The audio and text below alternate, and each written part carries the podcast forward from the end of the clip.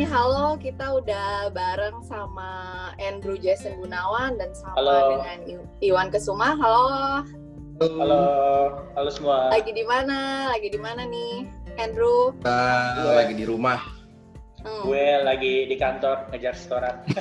Wah. Thank you nih untuk waktunya. Jadi pertama-tama kita eh, sekarang bertiga udah ngumpul di sini, join. Perkenalan diri dulu dong dari narasumber, mulai dari Andrew, eh, nama lu dan apa yang lu kerjain. Oke, nama gue Andrew. uh, terus kerjaan gue uh, entrepreneur, posisinya uh, sebagai CMO, Chief Marketing Officer di Wear Indonesia. Ya, nama saya, nama gue. Biar biar lebih ngalir ya. Ayo lebih Nama- nyantai, lebih nyantai. Suka dipanggilnya Iwan. Saat ini sih Managing Director di PT Fixco Karya Nusantara atau disebut fixcomart.com.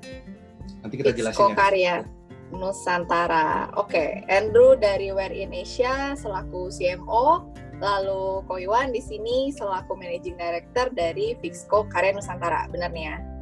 Tuh. Andrew boleh nggak ceritain sedikit, mungkin buat teman-teman yang belum tahu sebenarnya Wear in Asia itu apa? Apa yang lo kerjain di Wear in Asia? Oke, mungkin mulai dulu dengan Indonesia itu apa? Indonesia itu uh, basically e-commerce uh, untuk uh, travel equipment and lifestyle. Basically kita bergerak di bidang retail, kita ada satu toko di Gading Serpong, tapi DNA kita itu e-commerce. Role gua di sini mostly ya marketing and business sih. Jadi semua uh, gua berhubungan dengan brand-brand yang ada di platform kita, nah, terus uh, strategi marketing yang mostly mungkin 80% online sih. Gitu. Hmm. Tadi lu sempat bilang ba- beberapa brand, berarti di bawah Wear in Asia ini sebagai e-commerce lu banyak menaungin brand-brand nih. Betul betul. Jadi kita banyak menaungi brand-brand, misalnya eh, kita ada brand kayak action camera, kayak GoPro mungkin yang eh, orang awam dikenal GoPro atau drone, DJI, dan terus ada beberapa eh, tas yang memang eh, niche-nya itu untuk orang yang traveler atau enggak orang-orang outdoor itu ada ada kita juga namanya Jaravan itu dari Swedia. Itu basically kita retail untuk travel equipment yang eh, agak middle up. Eh, kurang lebih gitu sih penjelasan simpelnya itu. Gitu. Oke oke oke. Jadi lu punya toko online dan lu juga punya di Gading Serpong ya. Ya. Betul, betul. Iya. Usia nih, semua pada penasaran sebagai Andrew sebagai CMO Wear in Asia kelihatannya masih muda banget. Boleh share nggak sih umur lu berapa? Boleh, boleh. Kelihatannya gue masih muda, padahal gue 29. Uh, tahun ini 30. Yo, Pak, 29. Lebih mudahan gue ya. oh iya, ini kayaknya lawan bicara gue baru kelar kuliah nih kayaknya.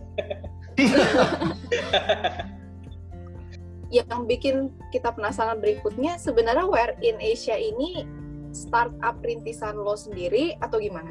Oh, jadi eh, ini didiriin sama dua partner gue lagi, jadi total bertiga. eh, dan udah berjalan dari eh, 2015 awal lah ya, 2015 awal. Dan berarti udah ya lima tahunan sih. Masuk tahun kelima nih ya berarti ya. Betul.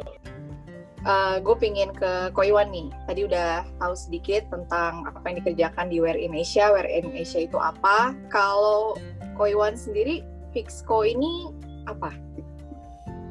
Ya, Fixco ini sebenarnya e-commerce juga platform. Jadi kita bisa melakukan jual beli melalui website dan juga melalui marketplace di Indonesia. Jadi kita menjual alat-alat seperti tools, hand tools, power tools, mesin, apa pun itu yang kita pernah lihat di Glodok, di LTC itu kita punya. Nah, kita juga punya toko fisik di LTC Glodok, gudang di Muara Baru dan juga kantor di daerah.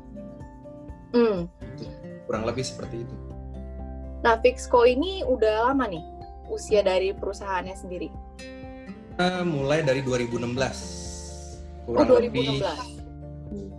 Jadi berhubungan dengan banyak marketplace lain dalam menyalurkan goods-nya nih ya. Ya kita juga ada selain kita punya platform di fixcomart.com, kita juga ada di semua marketplace seperti Tokopedia, Bukalapak, Shopee, Lazada, Blibli, JDID dan seterusnya. Koiwan usianya berapa kalau boleh tahu? Oh iya tadi melewatkan itu ya. Sepertinya lebih muda ya. Tahun ini 33 menjalan 34. 34, muda Kelihatannya muda tapi 34 sebagai managing director di Fixco. Ini kita semua penasaran, ini perusahaan lo sendiri atau ini tuh memang lo mulai bener-bener dari karyawan nih? Kebetulan mulainya dari karyawan. Karyawan uh, biasa jadi ya? awal Hmm. karyawan biasa masuknya itu di perusahaan ini 2017. Setahun kemudian kebetulan ada peluang. Peluangnya di mana? Uh, direktur dari perusahaan sister company ini dia mengundurkan diri resign. Nah, direksi owner shareholder kebetulan kan tahu saya tuh seperti gue tuh seperti uh, internet banget manusia online banget gitu. Jadi mungkin ada peluang di sini. Jadi oke okay, ya udah. Sempatnya awalnya memang ditawarin terus sempet bisa gak ya? gitu. Nah nanti kita jelaskan juga bagaimana kita mengatasi sebuah peluang jadi uh, biar lebih clear nih boleh gue tanya ya. Jadi tadi tuh sebenarnya perusahaan ini jadi belum ada e-commerce-nya gitu ceritanya. Awalnya masuk 2017 itu bahkan kita ketik di Google perusahaan itu itu minim sekali online. Benar-benar Jadi minim. belum ada online presence Belum ada. Belum. Okay. Jadi gue tuh pertama justru inisiatif uh, ke teman-teman semua nih kita kayaknya harusnya online deh karena di 2017 harusnya online tuh udah bahkan lebih lebih booming daripada tahun-tahun sebelumnya gitu. Kenapa kita nggak bahkan kita susah dicari di online. Nah mulai dari situ untungnya uh, Big Boss itu kayak open minded banget. Jadi benar-benar kayak oke okay deh coba ngeliat kayak gimana. Sampai detik ini tuh jadi online kita ngebus banget dan itu penjualan jadi ratusan persen. Gitu. sih. Oh jadi 2017 itu adalah tahun di mana mulai masuk ke online tapi yang offline-nya sebenarnya udah lama nih. Offline-nya sangat kuat. Kita udah 20 tahun lebih. Offline ya bener-bener kayak apa kayak kayak susah banget dicari gitu. Kita ketik misalnya uh, apa gitu ya brand brand gitulah. Terus kok keluarnya nggak ada, malah malah kita sebut langsung aja uh, Ryu, R Y U. Nah kalau kita tahu Ryu itu kayak seperti karakter gak sih di Street Fighter kalau main game. Nah itu yang keluar yeah. Street Fighter semua. nah makanya yeah, yeah, yeah. nah sejak itu kita pelan-pelan kalau kita ketik Ryu yang keluar adalah power tools jadi bor yang keluar gitu. oh jadi, which produk dari Fixco ini mulai ada ya, salah satu. online presence-nya oke okay, oke okay. Oke, okay, udah mulai kebayang nih apa yang uh, dikerjakan oleh Fixco, apa perusahaannya itu bidang apa, mulai kebayang. Andrew, Andrew sekarang sebagai CMO dengan uh, startup rintisannya sendiri, lalu juga Ko Iwan sebagai Managing Director climbing dari posisi uh, apa pertama kali masuk marketing mungkin kok? Pertama kali masuk. Brand manager. Sebagai brand manager, lalu sekarang udah di sebagai Managing Director di Fixco. Nah ini gue penasaran. Sebelum kalian di titik ini, sebelum sampai di sini, coba kalau boleh tahu gimana sih awalnya? Pertama kali tuh setelah lulus, coba ngapain? Uh, jadi ceritanya sih kenapa gue bisa sampai saat ini di dunia digital karena gue sebelum lulus kuliah uh, udah kerja di sebuah digital agency. Dan uh, hokinya juga atau beruntungnya juga digital agency-nya itu baru. Jadi kayak gue punya semua privilege untuk ngelakuin ini itu uh, dari mulai hal yang sangat administratif uh, dari mulai uh, nge-handle social medianya klien sampai kayak hal yang strategik. Gue kayak bisa punya suara di situ dan bos gue juga cukup akomodatif. Jadi kayak gue banyak belajar situ. Jadi pas gue lulus itu uh, gue udah lumayan ada pengalaman uh, terus gue lanjut lagi ke industri media dengan role yang sama kurang lebih digital marketing terus ada juga pernah ke dunia asuransi tapi juga digital, bagian digitalnya juga. Dan pas tahun 2014 akhirnya gue decide ya pengen coba lah. Uh, dari dulu karena emang keinginan gue sebenarnya uh, pengen punya bisnis sendiri gitu. Dan gue ngeliat uh, ada peluang lah kayak gitu. Jadi 2014 mulai uh, Desember gue inget uh, 25 Desember uh, website kita acak adut jalan Uh, terus ya baru aktif mulai ada konsumen ya kuartal pertama tahun 2015 gitu. Jadi ya oh. boleh dibilang udah lumayan lama, tapi nggak kalau dilihat lagi ya nggak lama-lama juga sih. Masih muda company-nya compare tuh yang tadi 20 tahun. Jadi ini awalnya memang lu um, sebagai digital marketing itu tadi masuk ke sebuah company, join hmm. sebagai digital marketing ya. Di situ interest lu kebangun sama dunia digital, lo punya skillnya punya interestnya gitu ya kurang lebih. Iya mm -hmm. ya basically gue suka Dan- digital business lah teknologi gue suka. Gitu. Hmm, dan akhirnya kepingin dari dulu punya cita-cita pin punya startup sendiri gitu ya. Punya bisnis sih. Mungkin kalau startup kan sekarang uh, identik dengan tech. Basically dulu awalnya gue dari uh, umur semester 2 ya. Semester 2 di uni itu udah kayak kerja part time karena gue pernah kerja part time di barista. Awal mimpinya ya jadi barista. Kayak karena kerjanya di Hmm. Starbucks.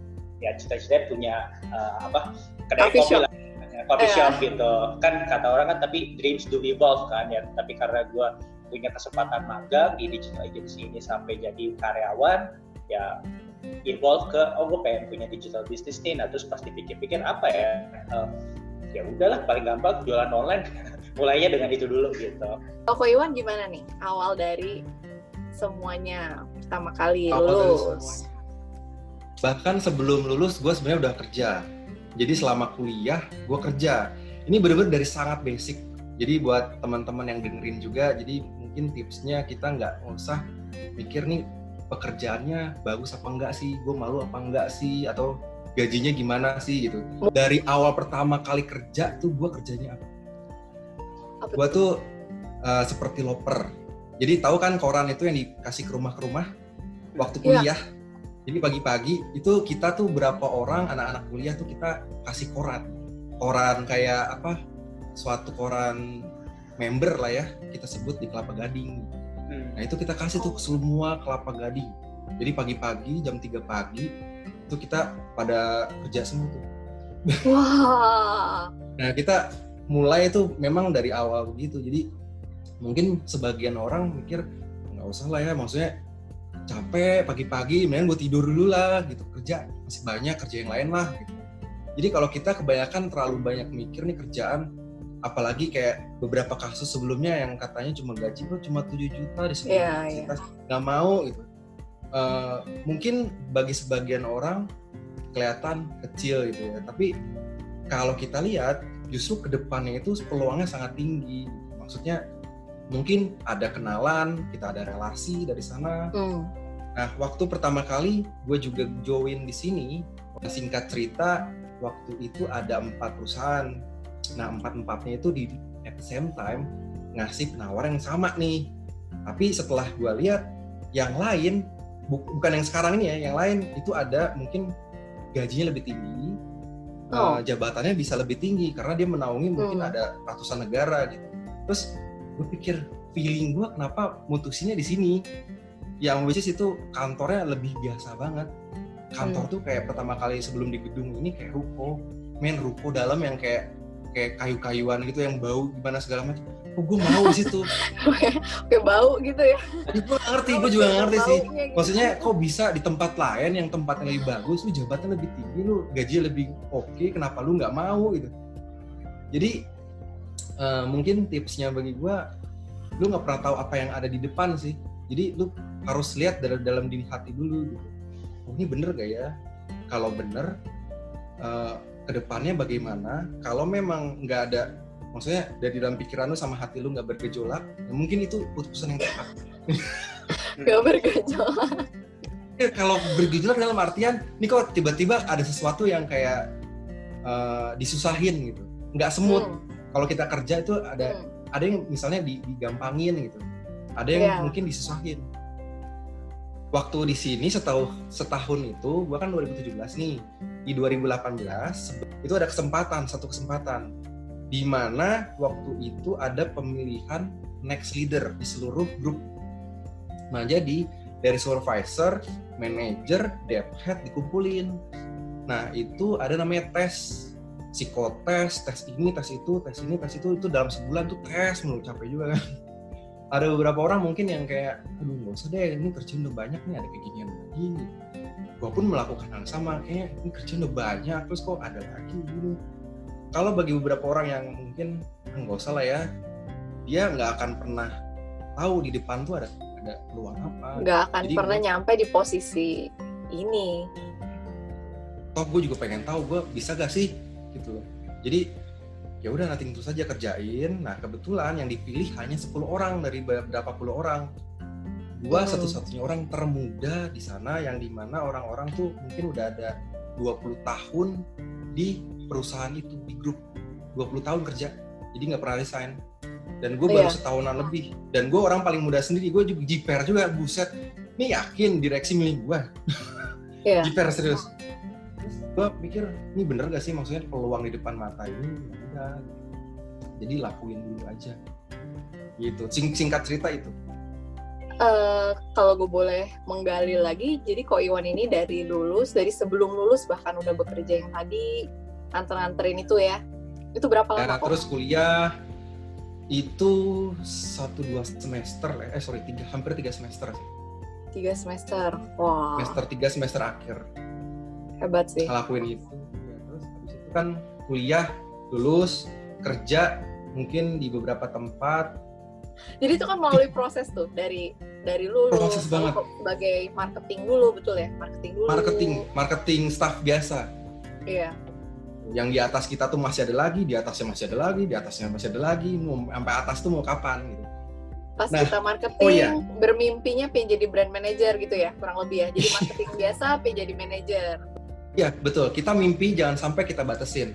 Waktu gue bilang tadi yang ada tes-tes itu yang sebulan tes dulu nah itu ada salah satunya lu set- setahun ke depan mau jadi apa? Tiga tahun ke depan mau jadi apa? Lima tahun Iya. ke depan mau jadi apa? Lu catet. Nah gue bilang dalam tiga tahun ke depan gue tulis secara terang-terangan gue jadi CEO perusahaan teknologi di situ. Wah. gue tulis begitu.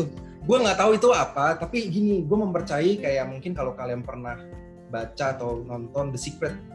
Apa pun yang kita pikirkan mau buruk mau bagus kalau kita pikirannya bagus percaya itu bisa jadi. Terjadi, terjadi. kalau kita telusuri kita dari awal lu pernah gak sih lu pikir gue pengen punya ini gue pengen deh ke depan. Tiba-tiba kejadian. Kok bisa gitu? Nah itu mungkin eh, itu adalah impian kita yang memang secara nggak langsung kita juga mendoakan hal itu bisa terjadi jadi buat teman-teman jangan batasi impian kamu Hmm. gitu tipsnya Kalian saat itu mulai dari satu titik yang mungkin bagi sebagian orang biasa-biasa aja, yang memang semua orang most uh, most people pasti kayak jalanin. Begitu lulus ya udah lulus pasti bertanya-tanya, gua uh, apply apa nih, gue kerja di mana, gue mesti minta gaji berapa dan lain-lain. Tapi benar nggak sih kalau uh, gue boleh menyimpulkan berarti saat itu kita semua harus punya goal. Mungkin kayak Andrew tadi ingin punya perusahaan sendiri, punya bisnis sendiri. Meskipun baru lulus nih, baru umur berapa sih Hmm. lulus dua-dua. Tapi pertama goal dulu. punya Ya, goal goal dan dulu. kalau menurut gue sesuatu yang benar-benar lu suka sih Hmm. Iya. Memang passionnya di situ Ya. gitu ya. Hmm, hmm. harus yang disuka. Nah selain goal tadi berarti eh, mindset dan cara kalian mewujudkannya. Tadi Ko Iwan sempat nyinggung soal eh, peluang, lalu eh, Andrew juga sempat ngomong tentang buka dulu di sana gitu loh, ada ketertarikan di sana. Berarti em, cara kalian untuk mewujudkannya. Mungkin dari Andrew kan orang bertanya-tanya nih, oh share dong gimana caranya? gitu, tips-tipsnya eh, untuk mempunyai bisnis sendiri itu untuk bangunnya itu dari awal. Karena yang bangun tuh yang bangun tuh susah itu susahnya gitu. Hmm, hmm, hmm. step awalnya. Caranya gimana sih Oke, eh, kalau gue sih mungkin apply buat gue, tapi mungkin belum tentu eh, apply buat orang lain gitu ya. Mungkin kalau gue tuh lebih yang kayak prinsipnya yang di tangan apa dulu. Mungkin eh, apa sih skill yang gue punya? Eh, ya kan gue kerjanya ya digital marketing, social media gitu-gitu. Terus ya apa yang gue suka, gue coba connect-connectin. Waktu itu eh, pas tahun 2014-2015 kayak jam-jam smartwatch itu kan kayak sesuatu yang uh, baru gitu. Nah terus Hmm. oh oke gue bisa digital marketing, uh, social media, uh, terus apa sih yang uh, biar gue bisa menjadi pengusaha di bidang teknologi step paling mudahnya yang paling kelihatan satu ya udah jualan online tapi kalau gue jualan online jualan HP gue mati sama orang-orang Roximas jadi ya udah gue diferensiasi diri gue dengan oh namanya Wear in Asia. Oh, itu singkatannya sebenarnya wearables in Asia gitu. Jadi kayak awalnya tuh gue pengen cuma jual ya kayak smartwatch smartwatch gitu. Gitu sih. Jadi awalnya ya apa yang lu punya dulu sih. Nah terus kayak apa yang lu suka dan terus optimalin. Dan ya gue nggak bisa mengecilkan juga peran ada luck juga ketemu partner yang ketiga gitu. Karena kalau nggak ada partner ketiga uh, mungkin sampai saat ini kita cuma jualan di, pla di platform orang gitu karena uh, gue kan backgroundnya sama kayak lu public relations gitu nggak punya hmm. background hmm. teknis yang bisa bikin website gitu jadi uh, ya mungkin ada unsur tadi uh, law of attraction ya tadi maksudnya secret yang the secret tadi ya karena gue tiap kali kalau gue mau sesuatu gue uh, mungkin ya gue ngeliat sebagai kelebihan gue berani aja ngomong eh gue pengen punya dulu gue pas kerja di barista gue sempet kayak nge-tweet zaman Twitter gitu. Oh someday gue bakal punya inilah gimana caranya nggak tahu gue ngomong aja gue pengen kayak gitu. Kayak mungkin karena karena itu juga kadang orang dengar jadi ya oh lu lagi mau bikin ini ya gue bisa bisa bikin web nih. Kebetulan gue lagi mau bikin kayak agency web. Nah itu yang di, dibilang sama partner yang ketiga gue ini gitu. Jadi sebenarnya awalnya nggak ada nggak ada niatan untuk berkolaborasi tapi karena dia tahu eh, pengen bikin gue pengen bikin apa nah terus dia pengen bikin hal yang lain ya ketemulah gitu. Jadi hmm. gue mulainya gitu sih uh, dibilang rocket science gak juga basically. Yang penting uh, mulai dengan apa yang lu punya. Jangan dulu kayak mestinya punya ini dulu baru gue bisa mulai.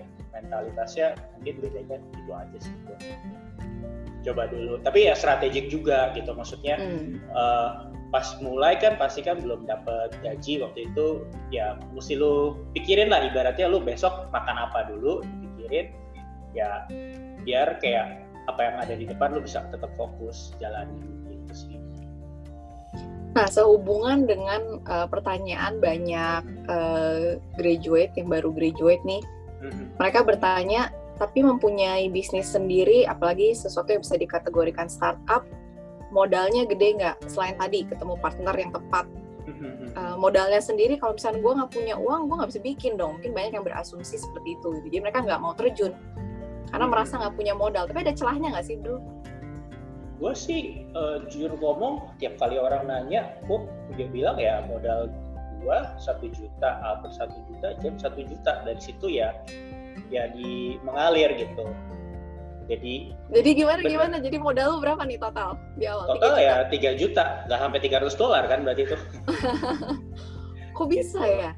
Kok bisa ya? Ya ya itu sih mungkin kayak kita maunya apa, kita cobain apa yang kita bisa ya kan kita per percaya juga ada timing ya kayak gitu hmm. uh, timingnya lagi pas ya ya ya gimana sih kayak kita mulai uh, ya konekin aja ada demand uh, ada supply kita nggak nggak nggak bisa buat stok uh, produknya ya udah kita minta demandnya dulu kita secure demandnya konekin ke supply ya. Awalnya gitu sih. Hmm. gitu. Jadi makanya bisa berputar pelan pelan keren keren. Gitu. hebat hebat. Keren keren. Sekarang udah benar-benar jadi entrepreneur kan? Mulai bisa kasih salary ke orang mulai ya. mempekerjakan ya. orang-orang ya. Betul betul betul. Itu feeling yang kata orang mungkin nggak ada price tag yang menurut gua.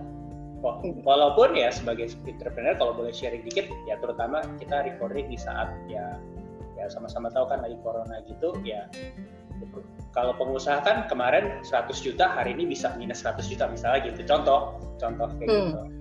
Ya itu sih kayak gue lagi ada di chapter di mana dalam uh, entrepreneurial journey gue over glorification ya nggak ada yang bisa orang pelajari juga. Justru ini di chapter hmm. yang menurut gue menarik ini pembuktian gue entrepreneur hoki yang kebetulan lagi ketemu momen atau emang gue real entrepreneur yang benar-benar bisa kayak ngikutin uh, wave-nya gitu. Iya. Hmm. Keren, keren, keren. Motivasi banget sih. Kalau Koiwan tadi ada masih ngutang nih part-part penjelasan cara mewujudkan masuk dari brand manager pertama kali nginjekin kaki di Fixco tiba-tiba dalam waktu setahun langsung Z naik menjadi managing director. Memang ada yang resign, memang uh, apa ada ada kesempatan ya memang lagi cari orang, tapi kan kandidat lawannya banyak kan. Ada 10 tadi Ko Iwan bilang. Itu caranya gimana? Mewujudkan yang paling mudah tapi bisa dapat gitu. Pertama kita dari dalam diri dulu di uh, misalnya contoh kita kita uh, sebagai leader atau calon leader kita harus punya skill. Skill karakter dulu deh sama mindset nah beberapa skill ini kan ada hard skill ada soft skill gitu ya. Hmm. kadang hard skill itu dibutuhkan tapi percaya deh soft skill itu benar-benar dilihat orang. Contoh kita sopan dengan orang mungkin dengan orang lebih lebih tua atau memang lebih senior atau apa pun itu kita nggak usah uh, eh gue lebih tahu loh dari lu lu lu hmm. bisa apa gitu. Nah jangan sampai kayak gitu nah justru kita lebih humble dan itu bisa dilihat orang dengan uh, lebih kebuka gitu. Nah terus kita juga berani tampil beda. Lu berani tampil beda dari, dari sisi positif ya lu justru akan dilihat. Ini siapa sih orangnya? Siapa sih pengen tahu pengen kenal gitu. Nah dari sisi itu ditambah mungkin dengan kerja keras ya maksudnya orang mungkin pulang tenggo misalnya jam 5 oh udah teng nih jam 5 ayo yuk jalan yuk pulang yuk gitu. Gue mungkin bahkan mungkin dengan teman-teman gue yang lain bisa sampai jam 7, jam 8, even jam 9, jam 10 dan gue mungkin nggak ini ada remburan gak sih, lemburan gak sih gitu. Nah nothing tulus aja. Lu kerja kerja aja. Lu selama lu kerja lu udah kelar lu puas dengan hal itu lu lakuin aja.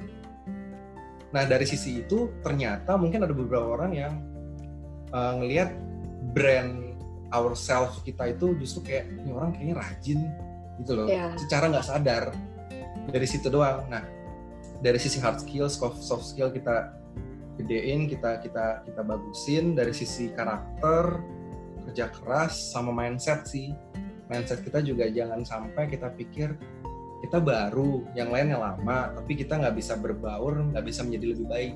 Justru mindset kita, justru kita bisa membawa perusahaan ini jauh lebih maju lagi. Kita cari inisiatif-inisiatif baru. Kan kita orang muda nih, milenial, yang lain mungkin udah pada berumur-berumur apa sih? Udah jauh lebih tua ya. Kayak gitu-gitu ya. Terus ya udah kita bawa aja sekarang. Sekarang lagi zaman apa? Zaman internet. Jadi kita bawa perusahaan ini go online gitu. Terus kita speak up, berani speak up sih semua ideas ideas itu gitu ya kita nggak nggak speak up kita mungkin kita kita ngaku bahwa diri kita pintar bla bla bla gitu tapi kalau kita nggak pernah speak up orang tuh nggak ada yang tahu tentang ide kita tentang tentang apa yang ada di depan apa yang ada menjadi tantangan itu kita nggak pernah tahu. Mereka juga nggak pernah tahu gitu. Nothing is impossible. Cie nothing is impossible ini kayak kayak kita sponsorin Adidas kayaknya. Sepatu ya. Tapi gue pikir dari zaman dulu itu beneran. Gue nggak pernah pikir gue tuh bisa ke sana gue bisa ke sini gue bisa punya ini gue bisa punya itu. Kita nggak pernah tahu. Kalau kita mikir ah nggak mungkin nggak mungkin. Beneran nggak mungkin tapi kalau kita yeah. pikir ini orang lain bisa dan itu possible untuk dilakukan entah bagaimana caranya dia akan datang ke lu itu mungkin dengan orang lain mungkin dengan pasangan lu, pacar lu, temen lu, temen deket lu, kita nggak pernah tahu hal possible itu datang ke lu. Jadi jangan sampai lu berpikir atau bermimpi nggak tinggi, bermimpilah.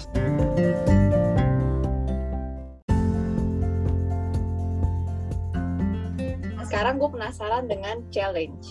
Namanya jadi leader di usia muda, ada ada di bawah uh, apa ya kalian ngelit orang-orang yang mungkin lebih tua dari kalian atau mungkin secara size jumlahnya juga banyak orang yang harus kalian lead. Boleh nggak sih di share challenge challenge-nya tuh kayak apa aja dan kalian ngadepinnya gimana? Gitu. Mungkin dari Andrew dulu. Uh, ada challenge apa nih Drew kalau challenge-nya gue karena kebiasaan dari dulu tuh di company kayak gue selalu jadi starting team gitu loh. Kayak ada divisi baru gue starting teamnya. Jadi kayak uh, yang gue masih terus belajar dan coba terus brush up sih itu challenge-nya kalau buat gue sih karena gue backgroundnya selalu dapat uh, jadi posisinya kayak starting team. Jadi kayak semuanya bisa kayak ngerjain sedikit ini sedikit itu gitu. Sekarang challenge-nya gue gue setelah setelah udah mau lima tahun nih gue baru bener-bener hire orang marketing yang full time nih baru kali ini ini juga masih probation gitu karena gue dari dulu kayak kebiasaan semuanya sendiri A to Z gitu dan uh, hmm. akhirnya juga ya ya itu kurang optimal lah setelah kayak di di evaluasi evaluasi gitu jadi kayak challenge-nya kalau buat gue pribadi sih itu yang tadinya kayak ya dari to Z Paul jadi kayak ibaratnya lucunya kayak gue ketemu brand nih misalnya iya bu jadi kita ini gue. Nah terus yang bikin kontennya ya nih bu kontennya udah jadi gue lagi. Nah terus ada jadi, ada kayak kolaborasi gue. iya. Nah terus kayak ada kesan sampai kayak si brand kayak lu semua ya ini kayak gitu. Makanya kayak kayak kurang sehat juga gitu. Yeah. tapi ya gue masih jujur masih challenge buat gue challenge ya kayak ya delegasi-delegasi itu masih jadi challenge buat gue karena background gue selalu jadi kayak founding team yang ya itu uh, semuanya dari strategik uh, sampai kayak implementasi masih sendiri itu challenge-nya.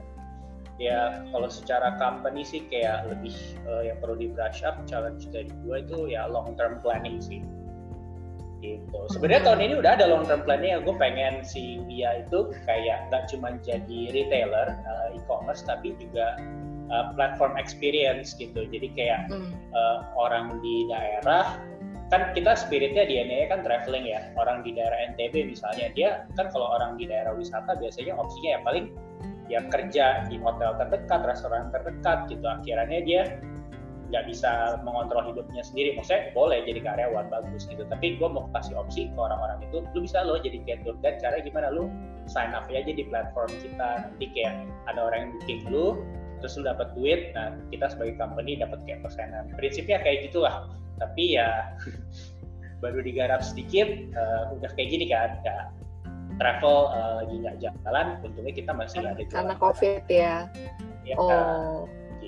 gitu sih challenge-nya Lu sempat mention WIA, WIA itu apa? WIA itu Wear in Asia. Oh iya, ya. itu abbreviation ya singkatannya. Iya, abbreviationnya WIA, Wear in Asia. Jadi maksudnya arahnya nih lu mau bawa ke arah platform experience ya, di mana siapa pun orang bisa hosting uh, betul, activities, betul. kurang lebih ya. Activities. Uh, ya. Gitu sih kalau gua. I see. Jadi itu uh, challenge-challenge-nya hmm, sebagai leader adalah mendelegasi tugas ya jadi itu masih mm-hmm. jadi tantangan ya, ya sampai sekarang. masih tantangan. Kebiasaan sendiri ya. Hmm. ya ya. Itu sih. Karena uh, standarnya yang gue ekspektasi ke tim gue ya diri gue sendiri gitu. Kayak tadi mungkin uh, Bro Iwan sempat bilang uh, gue sih ya jam 5 nggak tenggo gitu. Ya apalagi gue gue backgroundnya digital agency gitu. Yang tipikal yeah. kayak bos gue bilang eh uh, ada klien gede nih uh, Sabtu besok masuk ya kita pagi. Ya ayo. Uh, kayak gitu. Terus kalau enggak baru di briefnya Jumat sore. Oke Senin kita ketemu kliennya gitu. Kayak gue kebiasa dengan yang nggak sehat sih sebenarnya kayak gitu. Tapi kayak tipikal bukan gue nggak bisa kayak kerja bareng atau nggak punya tim yang kayak mau besok bumi bergoncang jam 5 tenggo itu nggak masuk buat gue kayak gitu. oh. itu makanya gue gue agak susah untuk kayak ber apa ya dapetin ya gue juga mesti improve tapi uh, akhirannya gue cari tim members itu kayak pasti kayak ada yang gampang mental atau enggak baru hmm. intern ah ya udah gue nggak naikin ke karena tetap kayak uh, gue selalu bilang ya lu punya hustler mentality atau enggak gitu karena buat gue standarnya ya kayak gitu kalau lu suka ya gue nggak usah minta lu baking baking pulang lewat dari jam 5 gitu. Iya, kalau harusnya lu udah kesadaran gua, ya, sendiri. Ya, menurut gue gitu. Gitu sih. Oh, gue suka nih, gue suka nih dengan uh, lu punya hustler mentality nggak nih? Gue suka itu. Lu nggak lu mengharapkan karena lu sendiri udah menerapkan lu juga mengharapkan punya tim yang nggak uh, laid back dengan kerjaannya. Betul, betul. lu nggak mau gitu iya, iya. kok Iwan challenge-nya apa? Tadi udah sempet um, kok Iwan bilang ya banyak saingannya yang uh, dalam satu company sebenarnya bukan saingan sih tapi lebih ke kolik yang memang secara usia udah lebih matang lagi dari Koiwan dengan uh, lama kerja yang juga udah lebih lama di perusahaan sekarang gitu kan. Oke, okay. challenge. Kalau kita ngomong tentang challenge sih, gue pikir ada dua ya. Challenge yang pertama itu dari diri sendiri. Kenapa uh, diri sendiri? Karena pasti dalam pikiran kita selalu terbesit pertanyaan terus gitu contoh ini gue bisa gak sih ini ini uh, ke depan gimana sih gitu ini ada orang lain bisa support kita gak sih banyak ini maksudnya pertanyaan. Uh, meragukan capacity diri sendiri nih ceritanya ya ya pasti Kayak meragukan ya?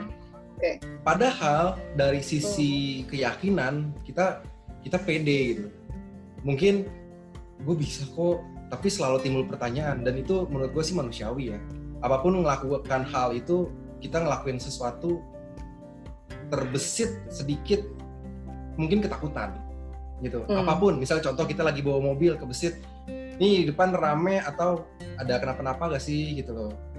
Di dunia kerja uh, dari diri sendiri itu yang harus kita kalahkan terutama kan dari sisi karakter gitu ya. Karakter di mana salah satunya tadi udah dibilang salah satunya komunikasi dengan delegate dengan komunikasi apa pun ke tim gitu ya itu menjadi sebuah tantangan tersendiri. Karena kalau di mana kita cara ngomongnya salah kita uh, apalagi dengan orang di bawah kita secara umur bahkan di atas kita gitu takut ber uh, bersikut-sikutan gitu loh ya yeah. semacam takut hal semacam itu. Nah itu harus kita benar-benar uh, perhatikan sih. Jadi jangan sampai dari diri kita sendiri kita kalah.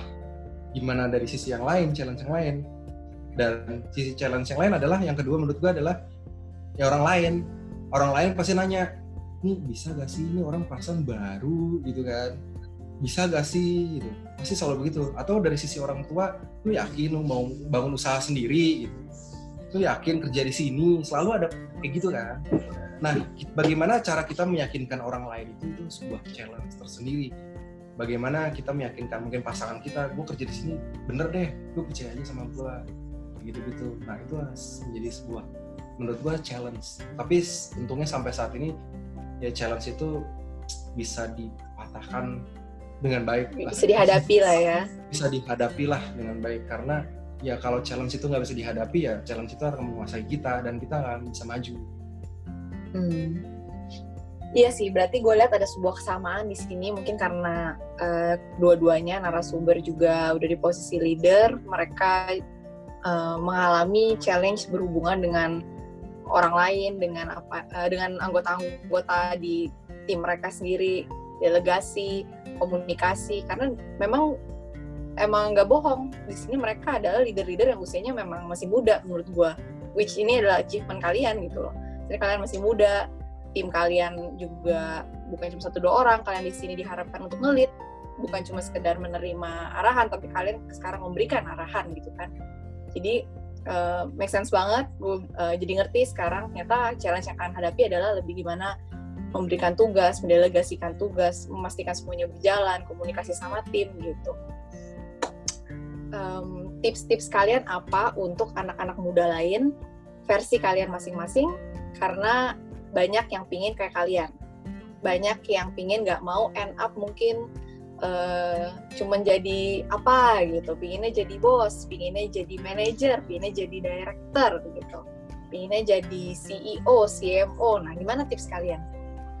Oke mungkin bukan tips kali ya kayak share ya sesuatu yang what's work for me aja kali ya. Uh, kalau buat gua walaupun se kedengarannya seklise mungkin ya paling penting itu ya validasi dulu apa yang lo mau kejar itu bikin lu apa ya ini hari Minggu nih, kalau gue sih validasinya gampang kayak gue mau resign dari suatu tempat atau berhenti sesuatu, sesuatu kayak hari Minggu lu udah mikirin excitement yang ngerjain hal itu lagi gak di hari Senin gitu.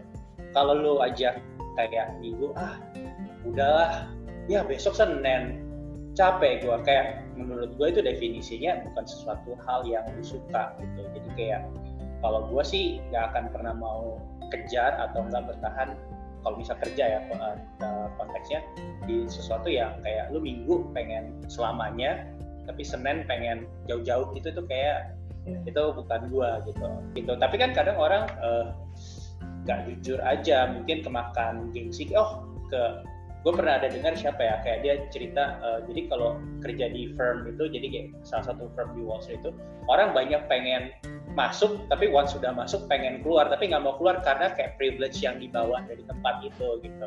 Mungkin yeah. kan ada orang nggak mau kayak nggak mau gitu. Karena udah eh gue di top five firm nih kayak gue udah masuk gitu ya. Gue udah gua masuk udah, gitu udah kayak kerja gitu di sini ya. Uh, terus kayak uh, secara finansial dan secara uh, prestige juga udah dapet kayak kalau buat gue ya eh gue nggak tahu sih ya kalau misalnya dapat gaji 1 m juga gue nggak nggak nolak gitu maksudnya. Paksa, jadi kayak paksa paksain gitu. Tapi kan kayak kita kan ngomong kayak pada pada kesempatan ya ya ya alamiah lah ya. Maksudnya kan nggak mungkin lo mendadak dapat gaji satu m gitu kalau menurut gue selama kayak apa yang lo suka dan merasa bisa berkembang dari apa yang lo suka dan lo punya at least starting tools lah. Maksudnya nggak mungkin semuanya toolsnya udah ada. Pasti uh, lu cukup punya satu hal starting tools bisa kita teman gue kenapa e-commerce? Ya simple gue taunya selama ini gue consulting klien uh, selama 2 sampai tiga tahun gue tahu kurang lebih sedikit banyaknya. Ya udah gue mulai gitu. Pas saat itu dealing sama vendor, distributor, ya nggak ada. Tapi kan sekarang thankfully kita hidup di era kita cuma sekali Google udah ketemu semuanya gitu. Itu sih itu satu. Kalau sama dua menurut gue yang penting ada effort sih ya. Maksudnya gue punya ada di pikiran gue ya. Selama lu kalau bukan bikin SpaceX atau Tesla menurut gue semuanya masih masih possible ya. Masih karena menurut gue menurut gue yang paling tricky paling tough ya kerjanya Elon Musk. Uh, maksudnya lu bikin bikin sesuatu yang tadinya nggak ada jadi ada gitu. Jadi once kalau dia berhasil dia tajir banget ya menurut gue dunia adil banget karena itu susah banget gitu. Tapi kalau gue sekarang uh, retailer ya retailer kan udah berabad-abad ada gitu. Maksudnya perkara sekarang mengikuti zaman aja uh, menggunakan teknologi internet dan itu juga udah been there for a while gitu. Menurut gue mestinya perkara gue punya effort punya kemauan yang lebih dibanding yang lain mestinya gue bisa berhasil. Menurut gue effort sih. Kalau tips gue yang lu suka effort dan ya growth mindset menurut gue mesti suka ini gak sih kayak eh gue nggak tahu ini nih gue dengerin podcast ini gue baca buku ini nonton YouTube ini kayak gitu sih. Hmm. mungkin tiga itu ya. Kalau gue ya so far belum 100% gue sempurna lakukan tapi gue percaya itu kalau gue 100% lakukan bisa menjadikan diri gue lebih baik lagi itu mendevelop lo ke arah yang lebih baik terus ya. Hmm, hmm, gitu. Paling kalau itu itu keren. Ko Iwan? Tips gimana? Buat teman-teman yang masih muda, anak-anak muda? Tips untuk anak-anak muda sih, gue sih ada lima nih. Miliki visi yang besar dan integritas yang baik. Nah, visi besar ini dalam arti mimpilah setinggi-tingginya. Jadi mimpinya yang possible ya, bukan yang terlalu muluk-muluk juga yang tadi dibilang, oh harus bisa mungkin ada space segala macam gitu. Tapi yang mungkin possible untuk dilakukan oleh manusia yang pada umumnya. Nah, yang yang kedua, jangan pernah membanding-bandingkan kita dengan siapa pun dengan apa pun. Apa yang kita miliki, apa yang kita punya, apa yang kita mampu itu nggak sama dengan orang lain gitu. Jangan pernah membanding-bandingkan. Yang ketiga, tingkatkan kemampuan lulus semua gitu tingkatkan kemampuan di sini dalam artian bukan hanya hard skill tapi juga soft skill. Soft skill yang tadi gue bilang sempat gue bilang harus ada komunikasi yang baik, harus ada mungkin pola dengan orang, karakter ya. gitu ya. Betul, betul. Karakter itu sangat penting sekarang. Mungkin ada juga kita pernah ngelihat nih orang karakternya bagus gitu ya, baik, tapi kerjanya biasa aja. Tapi kok dia bisa kayak tiba-tiba bisa promote gitu ya. Nah, itu kan sesuatu yang beda gitu. Nah, terus yang keempat uh, mungkin bangun kebiasaan yang baik dan berani tampil beda gitu. Nah, lu jangan pernah takut kalau lu beda. Kalau memang lu beda, lu bener, lu tetap lakuin itu. Jangan jangan sampai lu membaur dengan orang yang lain karena mau sama gitu. Padahal bukan lu banget. Nah, itu yeah. yang harus perhatiin sih. Nah, terus yang kelima, bekerja keras dan juga cerdas. Jadi jangan sampai bekerja keras doang. bekerja keras kita nggak cerdas, gitu. Hmm. Jadi yeah, yeah. bekerja keras boleh, tapi bekerja keras tapi nggak ada mungkin efektif efisiennya juga percuma gitu. Kita juga harus bekerja secara cerdas. Gitu. Mantap, mantap, mantap. Gue nangkep nih bahwa uh, sebenarnya proses itu proses menuju sukses itu nggak pernah berhenti. Dan gue bisa lihat dari kalian kalau kita mau bermimpi harus berani juga kita wujudin. Kalau kemarin baru lulus atau kita masih kuliah, kita punya impian pingin jadi ini, pingin jadi ini, pingin jadi ini, mau mimpi harus berani wujudin. Hmm. Itu yang gue tangkap dari kalian. Yang kemarin itu cita-cita, hari ini bisa jadi nyata. Kayak judul sesi ngobrol-ngobrol kita hari ini. Okay. Terus pertanyaan terakhir mungkin dari gue adalah Kak Koiwan dan Andrew, apakah uh, di sekarang ini kan juga masih terus jalan maju nih. Jadi bukanlah uh, end of the tunnel kalian udah jadi CMO udah berhasil gue bikin bangun bisnis sendiri lima tahun malah gitu. Atau misalnya Pak Iwan gue udah jadi direktur termuda di perusahaan gue tapi ini bukan akhir dari segalanya. Gue percaya masih ada lagi uh, kelanjutan masih jalan terus maju mau achieve lebih banyak lagi. Nah pertanyaannya apakah uh, apa sih rencana dan goal dari kalian masing-masing berikutnya yang mau diraih gitu? Jadi what's next? Uh, mungkin dari Andrew gue sih pengen itu uh, pengen jadi ya retailer yang respectable di niche-nya gue which is travel equipment yang middle up uh, tapi kalau gue sendiri ini gue pengen yang menjadi platform sih. Karena gue ngerasa yang tadi gue cerita itu by the way namanya uh, via experience gitu. Yang tadi yang si orang lokal bisa mendapat uang dan menjadi tour atau memberikan experience kepada uh, apa wisatawan gitu. Uh, gue pengen itu sebenarnya beneran kejadian karena gue ngerasa lebih ada gimana ya good feeling ya kan gue pengen sih gitu ya. Uh, si ya si experience itu jalan sehingga kita bener-bener ya sesuai mimpi gue gue pengen punyanya sebenarnya bukan company retail tapi company uh, tech based company gitu yang ya salah satunya ya bikin platform yang sesuai DNA kita travel. Terus yang selanjutnya sih gue pengen ya mimpi gue yang selanjutnya apa ya atau mungkin uh, orang lain juga banyak punya mimpi yang sama. Gue juga belum jelas mimpinya tapi goalsnya yang jelas kayak represent Indo di luar gitu. Kayak hmm. sekarang gue jualan barang barang luar semua gitu. Ibaratnya ya ada sih barang lokal.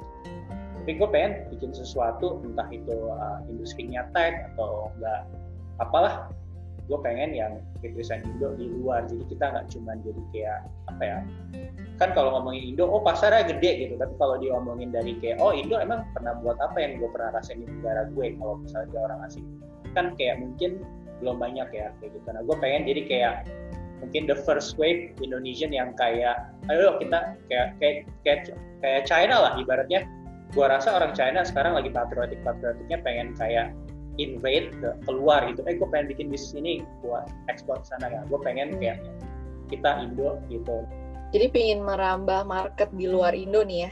Pengen ah, ke arah sana. Tapi belum namanya belum nih where in Asia berarti banyak possibilities dong ya? Ke Thailand hmm. ke hmm. China Asia kan? Kalau hmm. nama lu juga sebenarnya mencerminkan bahwa lu tuh uh, besar opportunity-nya bahwa ini nggak cuma di Indonesia nggak cuma di Jakarta nggak cuma di Indonesia. Lu bisa start dari negara-negara Asia lain ya? Betul betul betul. Ya intinya kata kunci represent Indo aja ya gitu di industrinya. Yang saya experience itu harapan gua. Biar kayak brandnya Indo tapi ya orang luar juga tahu oh ya udah bookingnya di sini aja. Karena gua kalau ke Lombok atau apa gue bisa kenal orang yang genuine lewat si experience ini gitu Keren keren keren keren. keren. Koiwan gimana untuk rencana ke depan? Komat sih rencana dalam waktu dekat akan mengembangkan mau ekspansi ya. Jadi ke seluruh Indonesia dalam artian uh, kita akan bekerja sama dengan uh, ratusan sampai ribuan titik di seluruh Indonesia. Jadi kita nah, contoh ada pembelian barang di kota Manado gitu. Selama ini kan pembelian barang pengiriman dari Jakarta nih, pengiriman Jakarta ke Manado kan mahal tuh ongkos kirimnya. Nah kita kerjasama sama orang Manado yang langsung, jadi ya udah kirimnya city to city aja Manado ke Manado dari Ambon ke Ambon gitu. Jadi lebih hemat ongkos kirim dan juga jadinya lebih cepat. Nah kita akan mengembangkan ekspansi membuat platform seperti itu. Lalu kita akan juga ekspansi go internasional. Kenapa? Karena uh, sudah mulai banyak nih pelan-pelan kemarin dari Malaysia, dari dari dari Eropa juga nanya uh, ternyata pasarnya tetap ada go internasional yeah. kayak gitu. Nah, Fixcomart juga nanti pengen membuat brand sendiri. Contoh yang misalnya selama ini kita bekerja sama dengan beberapa brand, misalnya Tekiro, Bosch, Makita, Martek, mungkin kalau pernah lihat ya, Crisbo gitu ya. Nah, nanti kita maunya namanya itu brandnya itu adalah Fixcomart sendiri. Gitu. Jadi kita yang hmm. punya brand itu itu pengembangan dan impian gue di current company gue sekarang gitu. oh. dan itu which is tuh akan gede banget akan langkah besar banget ya buat company ya ya sukses terus untuk Koiwan untuk you. Andrew udah kita dengar ya, impian abis ini mau ngapain sukses terus semoga tercapai project-projectnya yang nanti mau dijalankan project dan programnya Uh, thank you juga untuk cerita-cerita dan sharingnya yang inspiratif. Dan gue yakin yang dengar juga akan mendapatkan apa ya motivasi lah untuk mereka nextnya gimana dan apa yang mereka kerjakan sekarang bisa lebih berkembang.